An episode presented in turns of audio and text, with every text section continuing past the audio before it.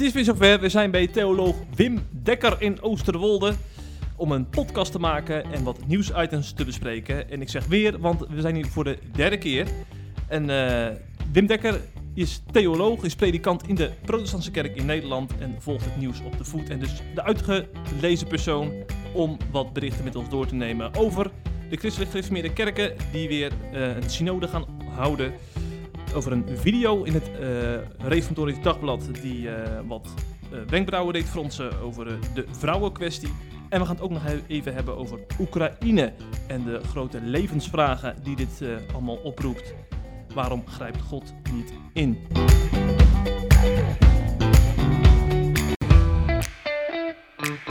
Wim Dekker, mooi dat we hier weer mogen zijn.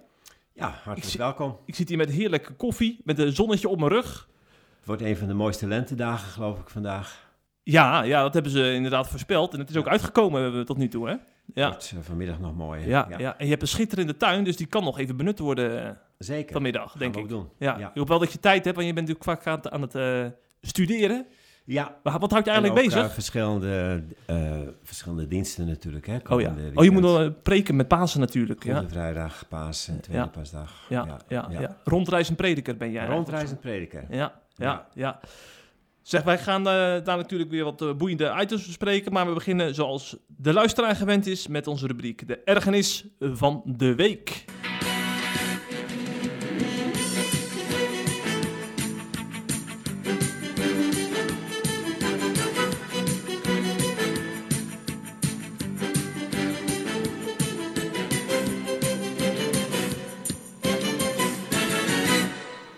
Is je opgevallen, Wim, eh, in de media? Nou, ik, eh, ik gisteravond eh, naar de televisie en toen was er ineens in het journaal een heel item over steun voor Poetin in Amerika. En ik wist wel dat er een, een enkeling was die daar ook die oorlog niet helemaal wilde veroordelen. Maar dat schijnt een hele beweging te worden.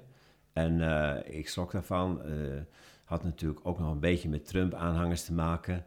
En in ieder geval veel meer mensen dan ik dacht die daar toch van zeggen van ja, Poetin, die oorlog is natuurlijk erg zoals die, zoals die, die oorlog voert, maar hij heeft echt wel een punt. En eh, Oekraïne is een verderfelijk land. En de, eh, de Russische eh, gedachten daarover, die, eh, die zijn eigenlijk wel goed. Ehm, en, en dat had dan ook weer verband met Trump. En er zijn ook weer evangelicals die het da- daarmee eens zijn. Dus dan, eh, maar ik schrok van eh, dat er dus... A, dat het, die infiltratie zo is vanuit Rusland, in Amerika ook, om maar te proberen hun kant van het verhaal te vertellen. En dat we hier in het Westen dus allemaal nepnieuws geloven. En dat de, de dingen in scène gezet zijn. Maar dat dat daar dan ook weer door zoveel, denk je dan toch, Amerikanen die toch goed bij hun hoofd zijn, ook geloofd wordt. En eh, nou ja, de verbijstering daarover dat dat in een land als Amerika zo is. Maar ook eh, tegelijk word je weer ontzettend boos over nepnieuws dat zulke grote gevolgen kan hebben. Hè?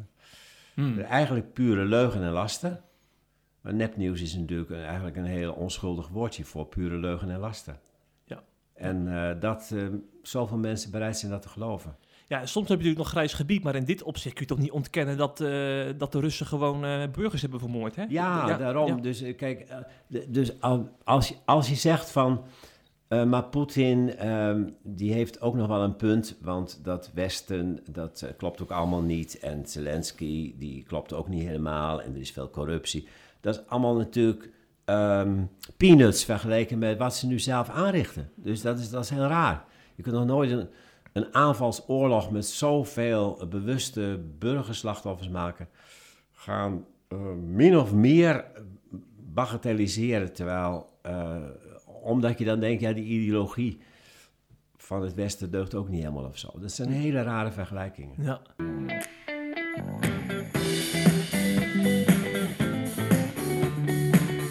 Het laatste nieuws uit christelijk Nederland bespreken we in de CIP-podcast.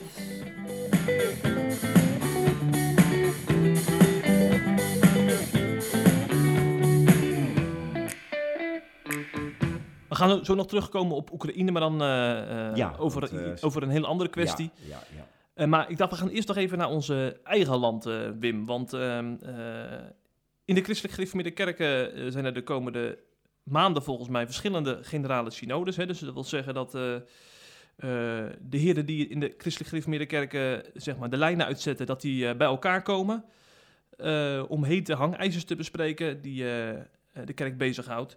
En misschien wel toch wel eh, het heetste hangijzer, mag ik toch wel zeggen, dat is de vrouwenkwestie. Hè? Wel of niet vrouwelijke ambtsdragers, wel of niet vrouwen die eh, een leidinggevende rol op zich nemen binnen de kerk. Dat speelt natuurlijk al decennia, maar ik heb het idee dat het debat de laatste jaren aan het eh, verhevigen is. Ook natuurlijk vanwege ontwikkelingen in andere kerken en in, in ons land. Waar, waar het steeds vanzelfsprekender is om vrouwen ook een leidinggevende positie te geven. Maar hier hebben we natuurlijk ook nog de kwestie van eh, het woord dat erbij komt kijken. Hè? Dus hele theologische eh, eh, lijnen die worden uitgestippeld, die vastliggen in kerkorders en zo. Nou ja, lang verhaal kort. In 1998 is ooit het besluit genomen in de CGK dat er in de CGK in ieder geval het leidinggeven niet toekomt aan de vrouw. Hè? Dat, dat, dat staat, staat gewoon vast. Maar de laatste jaren zijn er toch verschillende CGK-gemeenten. Dat zijn vaak dan samenwerkingsgemeenten. Die hebben vrouwelijke ambtenaren bevestigd hè, tot diaken eh of ouderling. En eh, dat is dan natuurlijk tegen het zere been van behoudende CGK-predikanten... die aan die eh, afspraak uit 1998 willen vasthouden. En er is ook nog een kerk bijgekomen, dat is in Zwolle. Dat is eind vorig jaar gebeurd. Dat is gewoon echt een CGK-gemeente die niet met andere gemeenten samenwerkt. Die nu heeft gezegd van, hè, wij bevestigen vrouwen in het ambt... omdat wij daar goede bijbelse redenen voor hebben. En de pauzeknop die ingedrukt wordt, die, eh, die, die, eh, daar gaan we niet meer in mee. We gaan nou onze eigen lijn eh, uitzetten. Dus het is wel aan het eh, verhevigen, dit debat. En daarom wordt er ook natuurlijk met grote ogen naar die synode gekeken. Wat gaat de CGK doen? En wat las ik nou eerder deze week in het Reformatorisch Dagblad? Dat een meerderheid van een meerderheidsgroep van een onderzoekscommissie heeft geadviseerd om vrouwen niet toe te laten tot de ambten. Eh, jij hebt eh, dat ook gelezen, Wim, hè, over eh, die adviescom- adviescommissie. Onderzoekscommissie. Ja, Ja. dat is dan bewust misschien naar buiten gebracht al. Ja, net voor de synode begint. Om voor de synode begint. Ja. Maar dit is toch een, echt een serieus advies. Hè? Dat wordt heel, heel, heel serieus genomen, denk ik, door de heren bij de CGK. Ik bedoel, het is niet zeg maar van, van een, een ad- adviesje van een of andere kerkenraad ergens in het land. Nee, je kunt wel, je kunt er een beetje eigenlijk van uitgaan dat dan de synode zo'n eh, zo'n onderzoekscommissie en eh, zijn eh, conclusies zal volgen. Ja, daarom. Ja. Dat zit er wel in, hoewel je weet natuurlijk nooit precies, want ehm, als je erover over doordenkt van wat, wat betekent dit voor de gemeenten dan die er wel voor zijn en stel je voor dat die zich daar los gaan maken en hebben we dat er allemaal voor over. Ik bedoel, dat zijn de volgende stappen die dan misschien uiteindelijk toch nog tot een andere besluitvorming kunnen leiden. Maar het, ehm, eh, ja, de voorzet is natuurlijk van wij moeten blijven bij wat in 1998 besloten is. En wij moeten gewoon eh, niet eh, de vrouw in het ambt toelaten in het Ja. geheel van de kerk. Het is, ik, ken, ik ken die samenstelling niet van die onderzoekscommissie. Ik denk altijd van, ja, daar, daar zijn natuurlijk ook al voorbeslissingen in genomen. Je weet hoe mensen ongeveer denken. Dus als je zeven personen zijn het hebt en nu zijn er vijf die dus hier eh, dit advies uitbrengen en twee zijn er trouwens met een minderheidsadvies, maar vijf twee is natuurlijk ja, voor zover ik het weet, is dat, is dat niet helemaal de afspiegeling van hoe dat in de christelijke kerken ligt. Nee. Want het aantal gemeenten wat wel voor de vrouw in het ambt is, is vrij groot. En het aantal gemeenten wat nou, het niet een halszaak wil maken, is nog iets groter. En dan kom je wel op meer dan de helft uit, denk ik. Ja. Eh, dus ehm, het lijkt me dat die onderzoekscommissie een beetje eenzijdig is eh, samengesteld. Maar ik vraag me dan ook af, eh, wat betekent dat voor de praktijk? Hè? Want er zijn natuurlijk al gewoon gemeenten die, die vrouwelijke ambtsdagers hebben. En die zullen echt niet zeggen van, nou, die, eh, die onderzoekscommissie heeft dit gezegd, dus we gaan die vrouwelijke ambtsdagers terugtrekken. Zo werkt het natuurlijk niet. Nee, dat geldt van enkele christelijk gereformeerde kerk, maar de meeste geldt het dan van samenwerkingsgemeenten, waarbij dan die vrouwen, Ja. vooral uit de vrijgemaakt gereformeerde Ja. kerk. Maar goed, het, het zijn natuurlijk samenwerkingsgemeenten en die sturen helemaal aan op eenheid. Eh, dus ehm, ja, dat is wel een punt. Ja. Dat die, die, die, ja. Maar goed, dat, dat zijn dan, zouden dan de praktische uitwerkingen moeten zijn. Dat je zegt van, eh, dat zal wel misschien getolereerd blijven worden zolang dat duurt. Maar er mogen geen nieuwe meer bevestigd worden Mhm. of iets dergelijks krijg je dan. Eh, maar dat betekent wel dat je een proces wat in die gemeente aan de gang is, natuurlijk helemaal op sterk water probeert te zetten. En het is de vraag of zich dat daarmee verdraagt. Ja. Dus ehm, nou, er is een constructie denkbaar van dat je zegt, nou waar het dan nu is en waar dat zo gegaan is, dat, dat kunnen we begrijpen dat het morgen niet teruggeschroefd wordt. Maar het is een, uh, een sterfhuisconstructie dan. Een sterfhuisconstructie? Ja, dat zou kunnen dan. Maar ik denk niet dat die gemeentes daarmee akkoord gaan. Nee. Dus dat, dat is een probleem. Je, ehm, dus ja, er zullen ook zeker in die synode, want dit is nu die onderzoekscommissie, maar er zullen natuurlijk zeker in, in de synode allerlei mensen voor pleiten om elkaar te verdragen. En ehm, misschien te zeggen van, god, de hoofdlijn van onze kerk is, uh, is dit, dat wij, dat wij menen dat de vrouw het ambt niet uh, nou, de meest, meest logische conclusie is van de Bijbelse gegevens. Maar wij verdragen de anderen die daar anders over denken. En um, we geven gemeentes in principe de ruimte om een eigen beleid te kiezen. Ik denk dat daar best een behoorlijk aantal mensen voor is. Je bent zelf natuurlijk verbonden aan de PKN, de Protestantse Kerk in Nederland. Ja. Uh, dat noemen we natuurlijk een pluriforme kerk. Ja. Uh, daarin heeft men uh, geleerd om elkaar te verdragen. Dan heb je kerken die geen vrouw in het ambt hebben en kerken die wij van spreken de slingers ophangen als de vrouwen worden ja, bevestigd. Ja, ja, ja, ja, ja. Dat kan gewoon samen bij jullie in de, in de dat PKN. Kan samen, maar er gaat in de PKN wel heel veel samen, waar ik ook niet altijd even uh, gelukkig mee ben. Nee. Kijk, je kunt natuurlijk, uh, als je zegt van, word allemaal maar lid van de PKN, dat zou ik heel, heel mooi vinden voor de hele Christelijke Middenkerk, want je kan zo bij ons ook uh, terecht in de PKN. Maar ik, ik snap dat er mensen zijn in de Christelijke Middenkerk die zeggen, ja, maar die ruimte die in de PKN is, vinden we wel een beetje, een beetje erg groot. Dus soms ook oeverloos. Over veel grotere, veel grotere kwesties dan de vrouw in het ambt. Hè, het ook echt gaat om wie is Jezus Christus, wat betekent zijn kruis en opstanding. Dat zijn veel fundamentelere zaken. En daar is natuurlijk binnen de PKN ook een diversiteit dat je denkt, nou, dat, dat, dat is wel echt problematisch. Maar um, dat je op zich uh, een kerk kunt vormen waarin je ook elkaar verdraagt in bepaalde onderdelen. En dat je ook uh, weet van, toch zijn wij samen uh, behorend bij hetzelfde lichaam van Christus. Dat is absoluut zo en dat, zou ik, dat vind ik ook heel erg fijn. Ik zou het heel moeilijk vinden om uh, zelf van een kerklid te zijn zoals de Christelijke Middenkerk, waarin dat zo dwingend op onderdelen ook wordt afgesproken. Omdat ik zelf denk dat de kwestie van vrouw en het ambt toch een ja, dat, is toch, toch iets wat je vanuit verschillende invalshoeken kunt bekijken. En dan hoef je niet direct te zeggen, die is bijbelgetrouw en die is ontrouw aan de Bijbel. En dat vind ik eigenlijk ook het hele punt wat ik niet snap. Dat men dus wel elkaar aanvaardt tot op de dag van vandaag in die verschillende uitleg van de Bijbel. Er is nooit gezegd tegen de groep uh, gemeenteleden en predikanten die vinden dat vrouwen het ambt prima kan op grond van de Bijbel. Jullie horen niet meer bij ons. Het is onbijbels wordt ook niet gezegd. Nee, Zover weer gaat men ook, zo'n soort formulering over mogelijk het gezag van de schrift raakt. Nee, dit Mhm. vond ik ook zo'n apart, uh, uh, aparte kwestie. In dit, uh, die onderzoekscommissie zegt de vrouwenkwestie raakt mogelijk het gezag van de schrift. Dus dat is ook al een klein beetje genuanceerd. Mhm. Maar dat je dan, als het op de praktijk aankomt, toch de knoop echt doorhakt en zegt het kan niet. Dat, dat, begrijp, dat begrijp ik niet goed.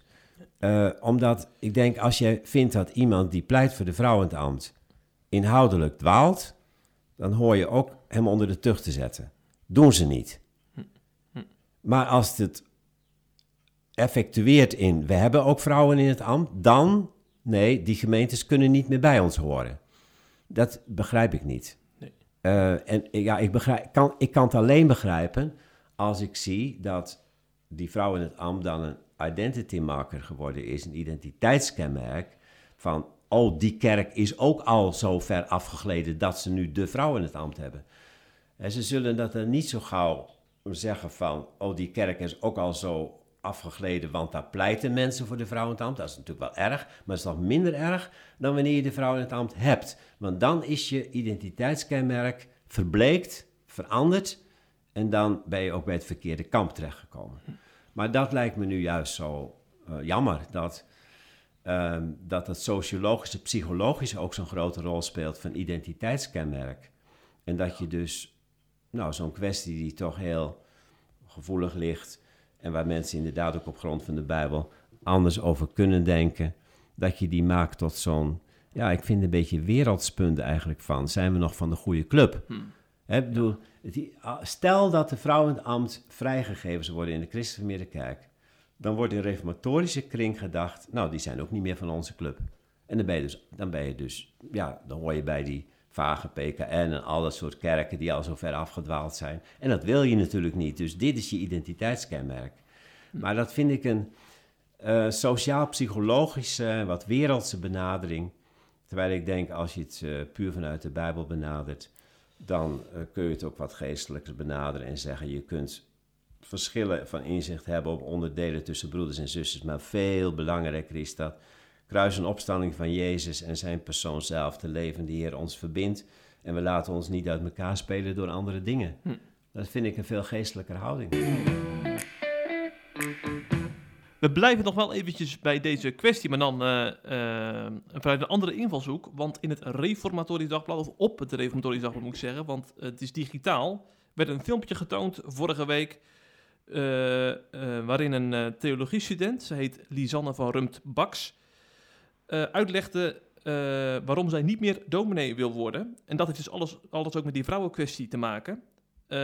in een video die het RD uitzond, uh, heeft ze dus uitgelegd waarom ze tot andere afwegingen is gekomen. En in haar ogen heeft ze dus gedurende die opleiding ontdekt uh, uh, dat vrouwen een andere rol hebben.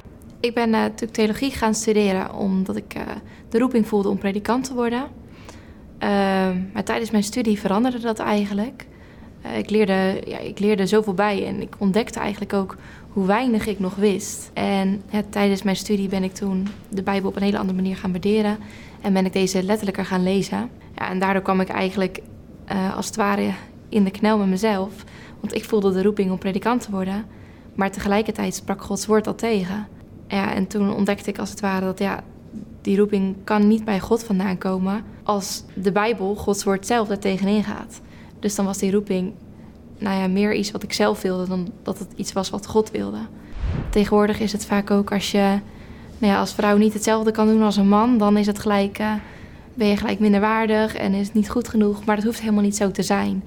Eh, als vrouw uh, heb je denk ik gewoon andere gaven gekregen van God die je op een andere manier kan inzetten. Door de hele Bijbel heen zie je dat God mannen de leidinggevende rol geeft. Bijvoorbeeld aan Adam in het paradijs. Voor de zondeval mag hij de dieren namen geven.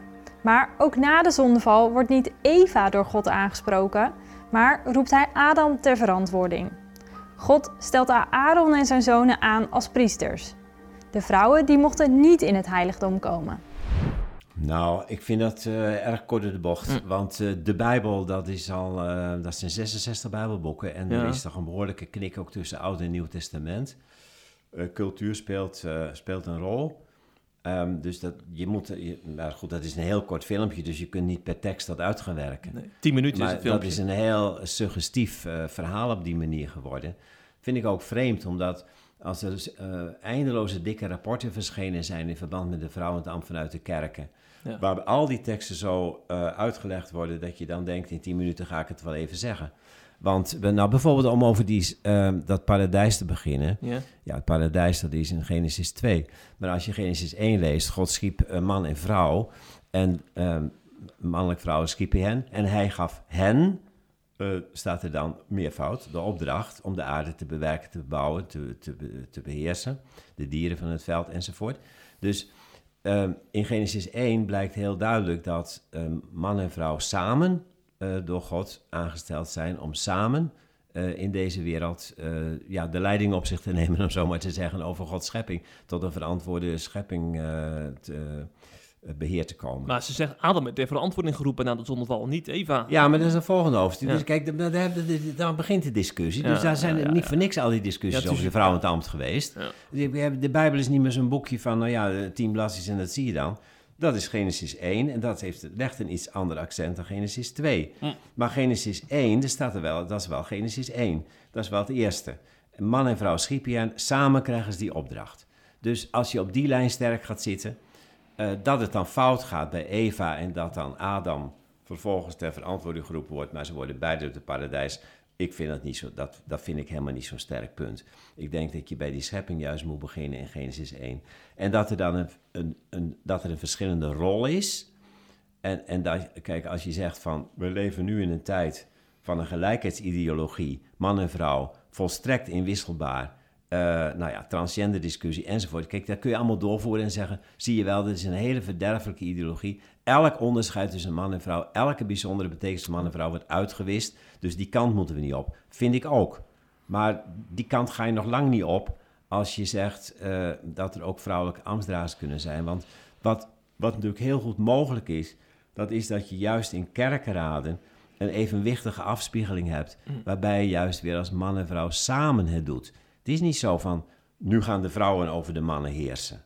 Het, het, ehm, het is ook niet zo dat de mannen over de vrouwen heersen in de gemeente, want daar staan ook genoeg teksten in de Bijbel over dat we elkaar onderdanig zijn. Als man en vrouw, juist als broeders en zusters in Christus. Dan valt dat onderscheid van de schepping juist weer weg. Dan ben je broeder en zuster in Christus. Dus er staan, uh, dit is een heel korte de bocht verhaal. En wat ze ook, weet je, ehm, wat mij zelf ook opviel over die profetessen, dat vond ik ook zo'n punt. Van, ze zegt dat dus Filippus uh, had profetessen, of Filippus had dochters en die waren profetessen. Zegt ze trouwens van zeven, dat zijn er vier, maar goed, dat is een detail.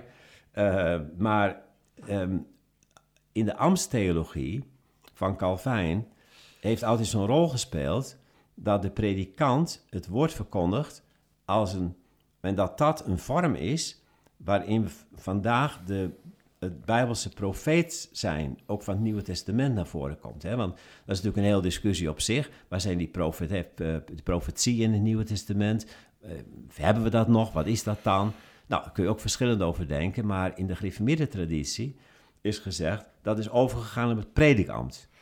Dus als zij nu zegt, uh, had profetessen, maar dat betekent ja, dat ze bepaalde bo boodschappen doorgaven. En dat kan een vrouw ook doen, maar dat heeft niks met ambt te maken. Dan is dat helemaal niet in de lijn van de gereformeerde ja. theologie. Ja. Kortom, Wim, uh, eigenlijk over iedere zin die, die zij uitspreekt in, in, die, in het filmpje kun je wel een half uur discussiëren. Ja, nog veel langer. En dit is, dit is de vraag of, het, of het wijs is hè, wat hier gebeurd is. Want Jan-Martijn Abrahamsen, is een theoloog, die zegt bijvoorbeeld op Twitter: Ik ben geschokt door het eenzijdige filmpje van het Reformatorisch Dagblad. Jullie zijn toch een journalistiek platform.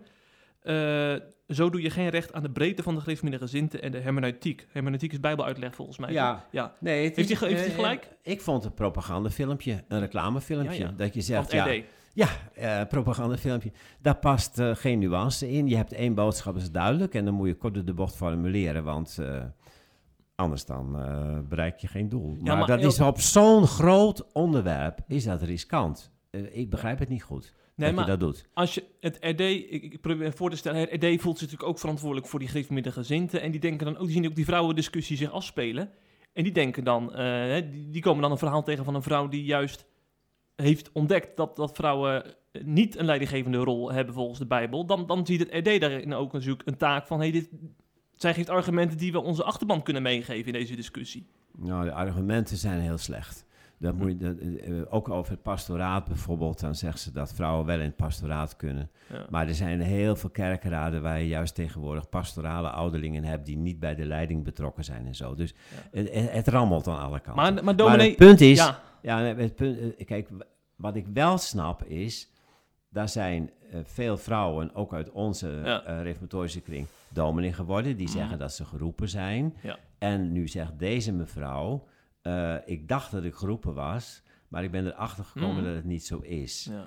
En dat je een keer zo'n ervaringsverhaal voor het voetlicht wilt brengen, omdat dat ook wij ook niet eerder Ik heb het niet eerder gehoord, zo'n verhaal. Ja, do dus... Dominee van Gent zegt het ook van de CGK. Ik heb nog nooit eerder een interview gehoord van een vrouw die predikant wilde worden, maar dat de overtuiging kwam dat het niet Gods wil is. Dat maakt het filmpje niet eenzijdig, zegt die dominee. Nou, dat is, uh, nee, dat vind ik niet waar. Ja. Dat het niet eens, wat ze vertelt ja. is heel eenzijdig. Mm -hmm. Maar het feit dat ze een keer zo iemand aan het woord laten, die ook gewoon haar authentieke verhaal vertelt, dat is goed. Ja. Maar dan moet je bij jezelf houden. Kijk, ik dacht dat ik geroepen was. Ik ben juist door mijn theologie-studie de Bijbel beter gaan lezen. Ik ben tot de ontdekking gekomen dat dat niet Gods bedoeling is. Dus ik ga dat nu niet doen. Maar dat is, dan hou je het heel dicht bij jezelf. Dat is wat anders dan even in 10 minuten zeggen, eh, het is helemaal fout.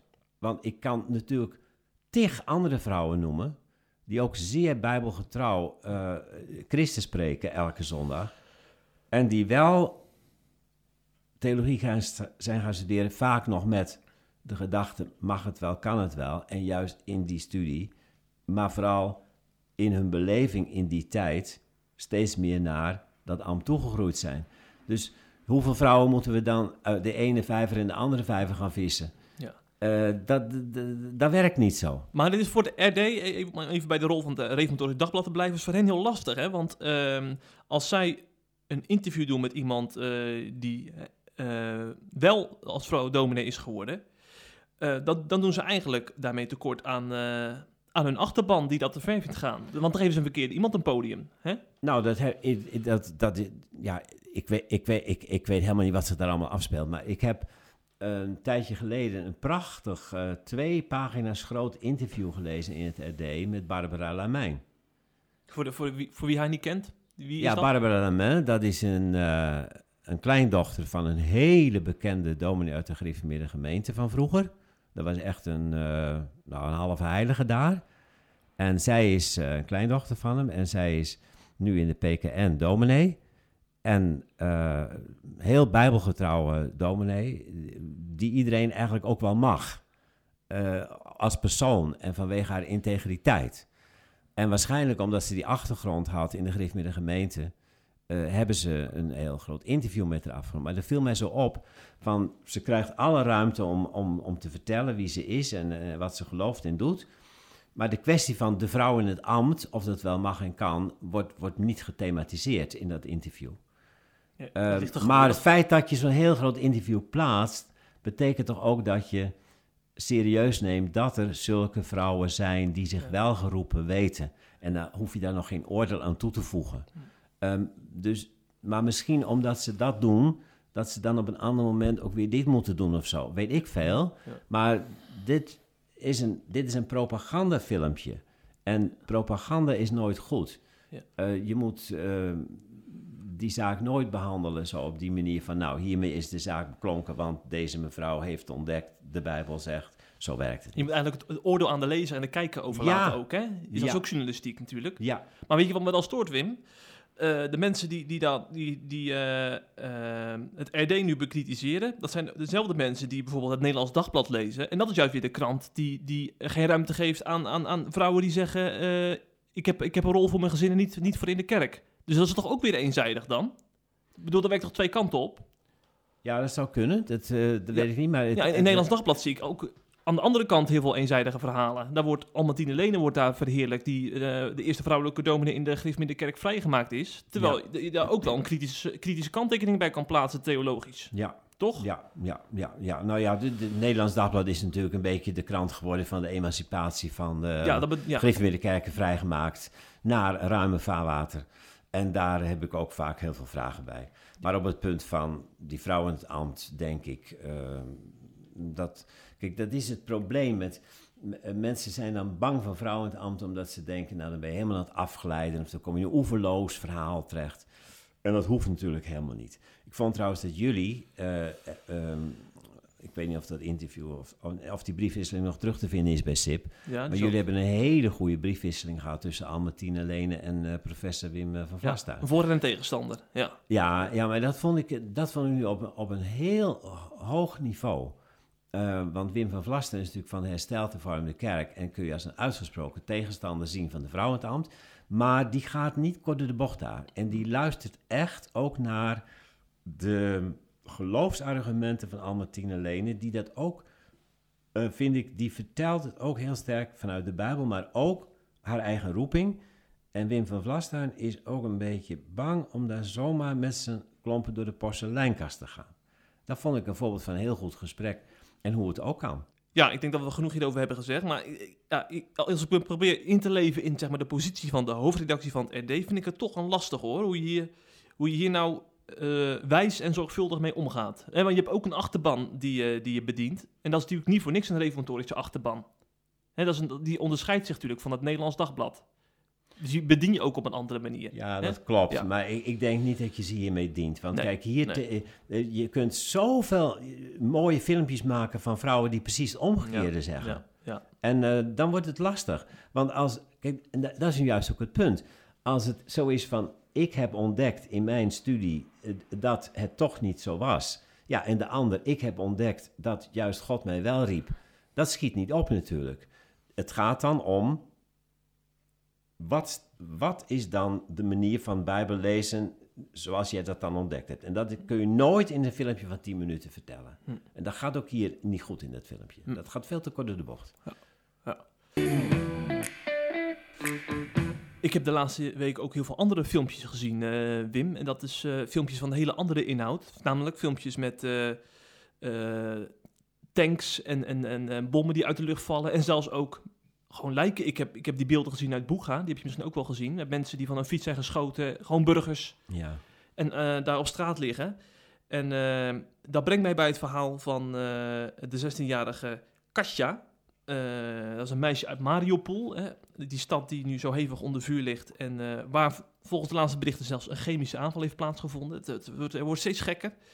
Eh, maar dit meisje heeft haar moeder zien, zien sterven. En ik werd getroffen door een aantal fragmenten die zij deelde.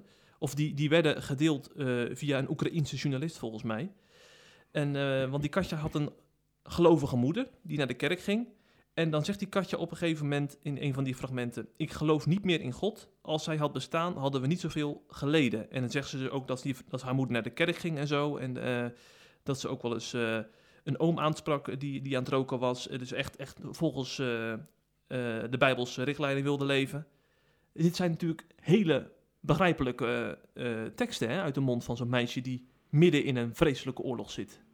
Ik bedoel, dan, dan praat je heel anders dan, dan op een theologieopleiding. eh, eh, ehm, wat moeten we met het lijden in de wereld? Dit, dit, dit, dit komt zo je beeldscherm binnen en zo'n meisje die, eh, die weet niet wat ze aan moet met die God. Hoe heb jij dat gelezen, Wim? Ja, dat is. ehm, ja, moet ik zeggen. Ik kan het heel goed, ik kan het heel goed begrijpen. Ehm, Ja. Want voor de duidelijkheid, dat die mo- moeder is voor haar ogen gestorven ook. Ja. In een schelkelder. Ja, ja, ja. ja. Ja, ik weet niet ja, hoe, hoe die moeder dan dat allemaal beleefd heeft. ehm, Nee. en, en wat ze aan geloof heeft uitgedragen voordat ze stierf. Ehm, er zijn natuurlijk eh, christenen die ook heel sterk wel, wel, wel leven met... Het leven is ook lijden. En eh, God, is, God is niet een soort garantie voor dat we geen lijden ondergaan. En er zijn, er zijn ja, ook andere christenen die toch, toch in die godsvraag natuurlijk vast kunnen lopen. Eh, zijn, dus, eh, het is altijd zo, in dit soort dingen van, verbaas ik me ook vaak over. eh, je had het al in het boek Hel en Hemel in Dachau van Overduin ooit over de, over de Tweede Wereldoorlog en in, in, in, in die concentratiekampen. Dat hij ook schrijft van, voor de een is alles wat we meemaken een reden om steeds dieper eh, in God te gaan geloven. De enige troost die je nog hebt, enige rots.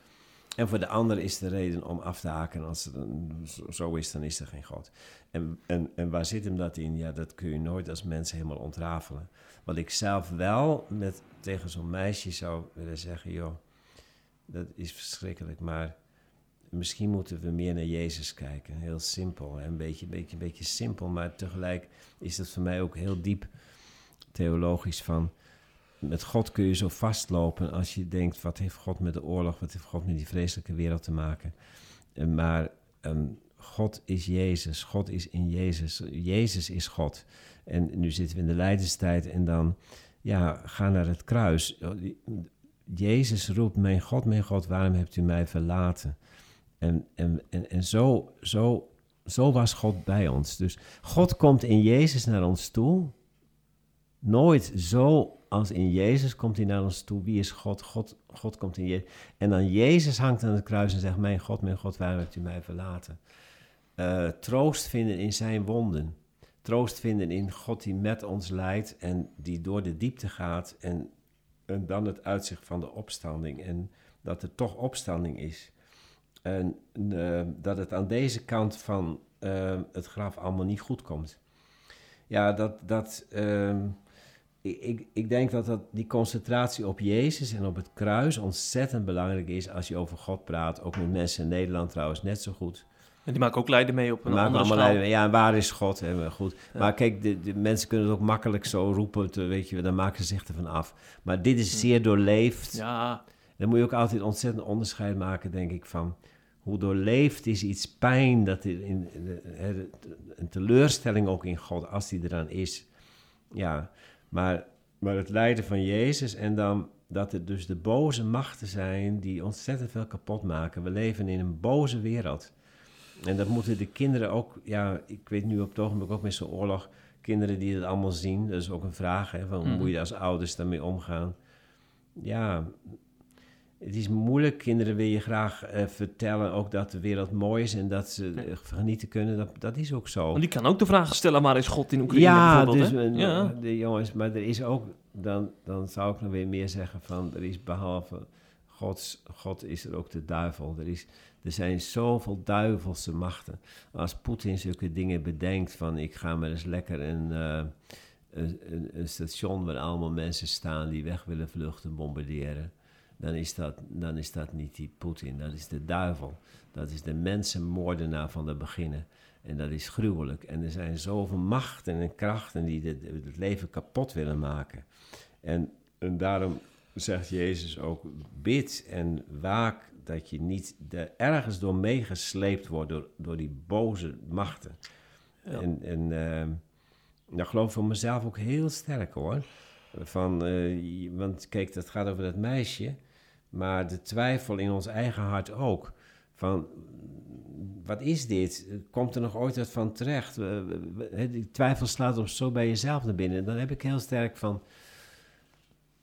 Jezus bij Gethsemane zegt, waak en bid dat je niet in verzoeking komt. En dat is dus van dat je niet zometeen de hele boel laat van dit was hem ook niet. Dit is de Messias ook niet geweest. Hè? En daar zijn ze wel op het randje geweest van... We dachten dat hij was, ja, is ook niet geworden, hè, zeggen die Emmausgangers dan later ook. Maar dat wij ook, we worden zo door de, door de chaosmachten ehm, gepakt, dat we bijna het geloof in het koninkrijk van Jezus kwijt kunnen raken. En ehm, dat, kan, eh, ja, dat kan ook door innerlijke afhaken, onverschilligheid. Van, ah, is, toch allemaal, eh, wordt toch nooit wat en eh, laat maar. En terwijl er juist gevraagd wordt dat we natuurlijk ook aan de goede kant staan. En daarom eh, begon mijn ergernis van de week van... Kijk, dat is zo... Als je nu ook in dit aan de verkeerde kant staat... een beetje wegkijkt... of nou ja, die Oekraïners deugen ook waarschijnlijk niet helemaal... of weet je, gewoon ergens van afmaakt... in plaats van dat je bereid bent om solidair te zijn... En Ja. ook eh, in je gebed en ook in je concrete gegeven... en als je ruimte over hebt of zo... dat je zegt, ik deel daar ook in. We zitten samen in deze onverloste wereld... en we gaan des te vuriger bidden, kom Heer Jezus. Die geestelijke houding maakt ontzettend veel uit. En zo'n geestelijke houding, wel of niet... zal ook voor zo'n meisje uitmaken. Mhm. Wat voor, wat voor andere mensen zijn er nu om haar heen? Hoe helpen die haar nu met vast te houden aan het geloof? Want er zijn natuurlijk nu ook heel veel eh, kerken, maar ook gewone gezinnen die nu eh, letterlijk eh, met Oekraïners in aanraking komen in Nederland. Er zijn nu 28.000 Oekraïners in Nederland. En dan vraag ik me ook af, hè, stel je hebt zo'n gesprek aan de keukentafel eh, over God hè, en, en het lijden. Moet je daar dan echt met argumenten theologisch op ingaan? Of is het dan gewoon een kwestie van pastoraal iemand een verhaal aan te doen en een arm om de schouder? Want ik bedoel, ja, wat, wat, is, wat is wijs dan ook hè, op zo'n moment? Ja, Ik, zou, ik ben ook heel benieuwd hoe mensen natuurlijk zelf het eh, beleven. Ja. Ik was eh, zondagavond in Renswoude en er, is, eh, zijn heel veel Oekraïners opgevangen. En daar hebben ze nu een dienst in de kerk ook waarbij eh, van de week dan een, een mevrouw uit eh, Oekraïne die theologie studeert een overdenking houdt. En daar zou ik dan heel benieuwd, dat vind ik dan zo mooi, van dan denk ik van, eh, wij gaan niet meteen daar allemaal uit de Bijbel wat aan die mensen vertellen. Laat die mensen zelf eens even wat vertellen. Oh ja. En, eh, en dan gaan wij luisteren. Hm. En dan kun je vragen stellen. Ik weet niet wat zij gaat vertellen. Maar ik bedoel, zij, zij, zij staan daar middenin. En ze hebben natuurlijk ook eh, eh, te maken met mensen die dreigen af te haken misschien. Of als zo'n meisje ze hebben ook te maken met mensen die enorme kracht putten uit het geloof. Dat zagen we meteen al in, die, in dat filmpje toen natuurlijk in, die, eh, in dat metrostation van, van eh, eh, Met- Metropool, geloof ik, hè? Metropool. Toen, Die eh, zingende Oekraïners ja, van die zingen. Die Ja, zagen, ja, ja, zagen ja. we ook, zagen we ook meteen al aan het begin. En ik heb me trouwens over verbaasd hoeveel ja, gelovige, kerkelijke betrokken mensen van allerlei soorten daar in Oekraïne zijn. Hè. Die komen nu zo boven water. Uit baptistische gemeentes, die kwamen toen meteen aan de Waddingsveen, zo'n herstelde kerk of zo. Maar ook eh, allerlei evangelische gereformeerden en, en ook orthodoxe Zeker. eh, eh, eh, Oost-orthodoxen die ook natuurlijk helemaal niet op die lijn zitten van de Russisch-orthodoxe kerk. Dus het is ook, ik vind het ook wel weer heel leerzaam van, omdat ons geloof vaak zo makkelijk lijkt hier in zo'n welvarend land. En nou, dit wordt nu op de proef gesteld. En hoeveel authentieke geloofsgetuigenissen kun je nu ook niet horen? Als je je oren openzet, waarschijnlijk hier in Nederland ook. Hm. En dan vind ik dan prachtig dat kerken ook van die gezamenlijke bijeenkomsten beleggen. En dan eh, vond ik heel grappig. Ik denk van, meestal is het zo, dan komt er een tolk. En die gaat dan vanuit het Nederlands in het Oekraïens vertalen. Maar dat gebeurt daar in die kerk dus nu omgekeerd. Iemand gaat in het Oekraïens vertellen. En er is iemand die gaat voor ons in het Nederlands terug vertalen. Ja. Maar dan geef je hen ook de ruimte om hun, hun strijd en hun verdriet, maar ook hun geloof met ons te delen. Dat vind ik eigenlijk een mooie afsluiting. En ook een mooie oproep. Voor, hè, eh, om, die, om die mensen ruimte te geven. Ja. En niet zozeer met je eigen verhaal dan te Nee. komen hè, als Nederlander. Ja. Eh, er Ja. allerlei, er lopen allerlei... de- deze mevrouw die gaf ook eh, les aan de basisschool dan. Er wordt dus gewoon een ruimte ingericht aan al die Oekraïense kindertjes.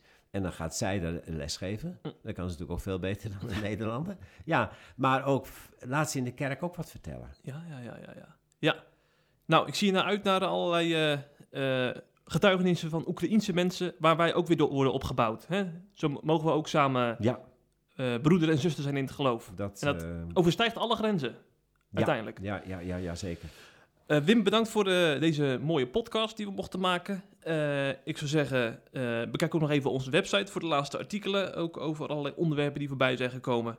En misschien word je wel lid van CIP+. Binnenkort worden we trouwens C Vandaag.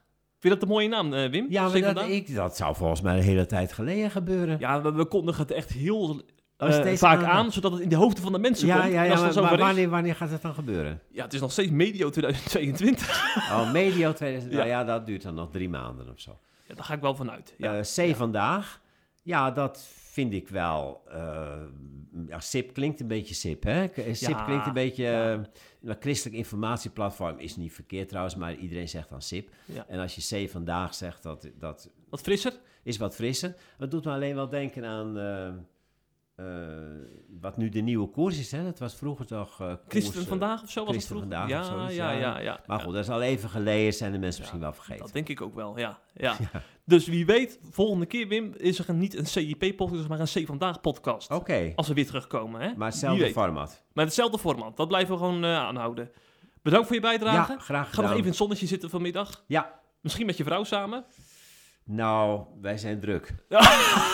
ja, ja dat, moet, dat moet ook gewoon gestudeerd en gewerkt worden ja, natuurlijk. Ja, ja, ja. ja. Nee hoor, maar we genieten zeker van het voorjaar en van de mooie ruimte om hier te Ja. wonen. Ja, mooi. Oosterwolde, hè, voor de Ja, duidelijkheid. hoor, eh, Oosterwolde, Gelderland, bij Elburg. Als mensen denken, we fietsen daar en we willen eens even kijken waar Dominee Dekker woont. eh, hartelijk welkom. En ze hebben een goede bakker. Ik heb net wat karamelkoeken gekocht. Die ga ik vanavond aan mijn vrouw geven. Oké, Dus ik hoop dat ze er blij mee is. nou, dat is eh, reclame op deze manier.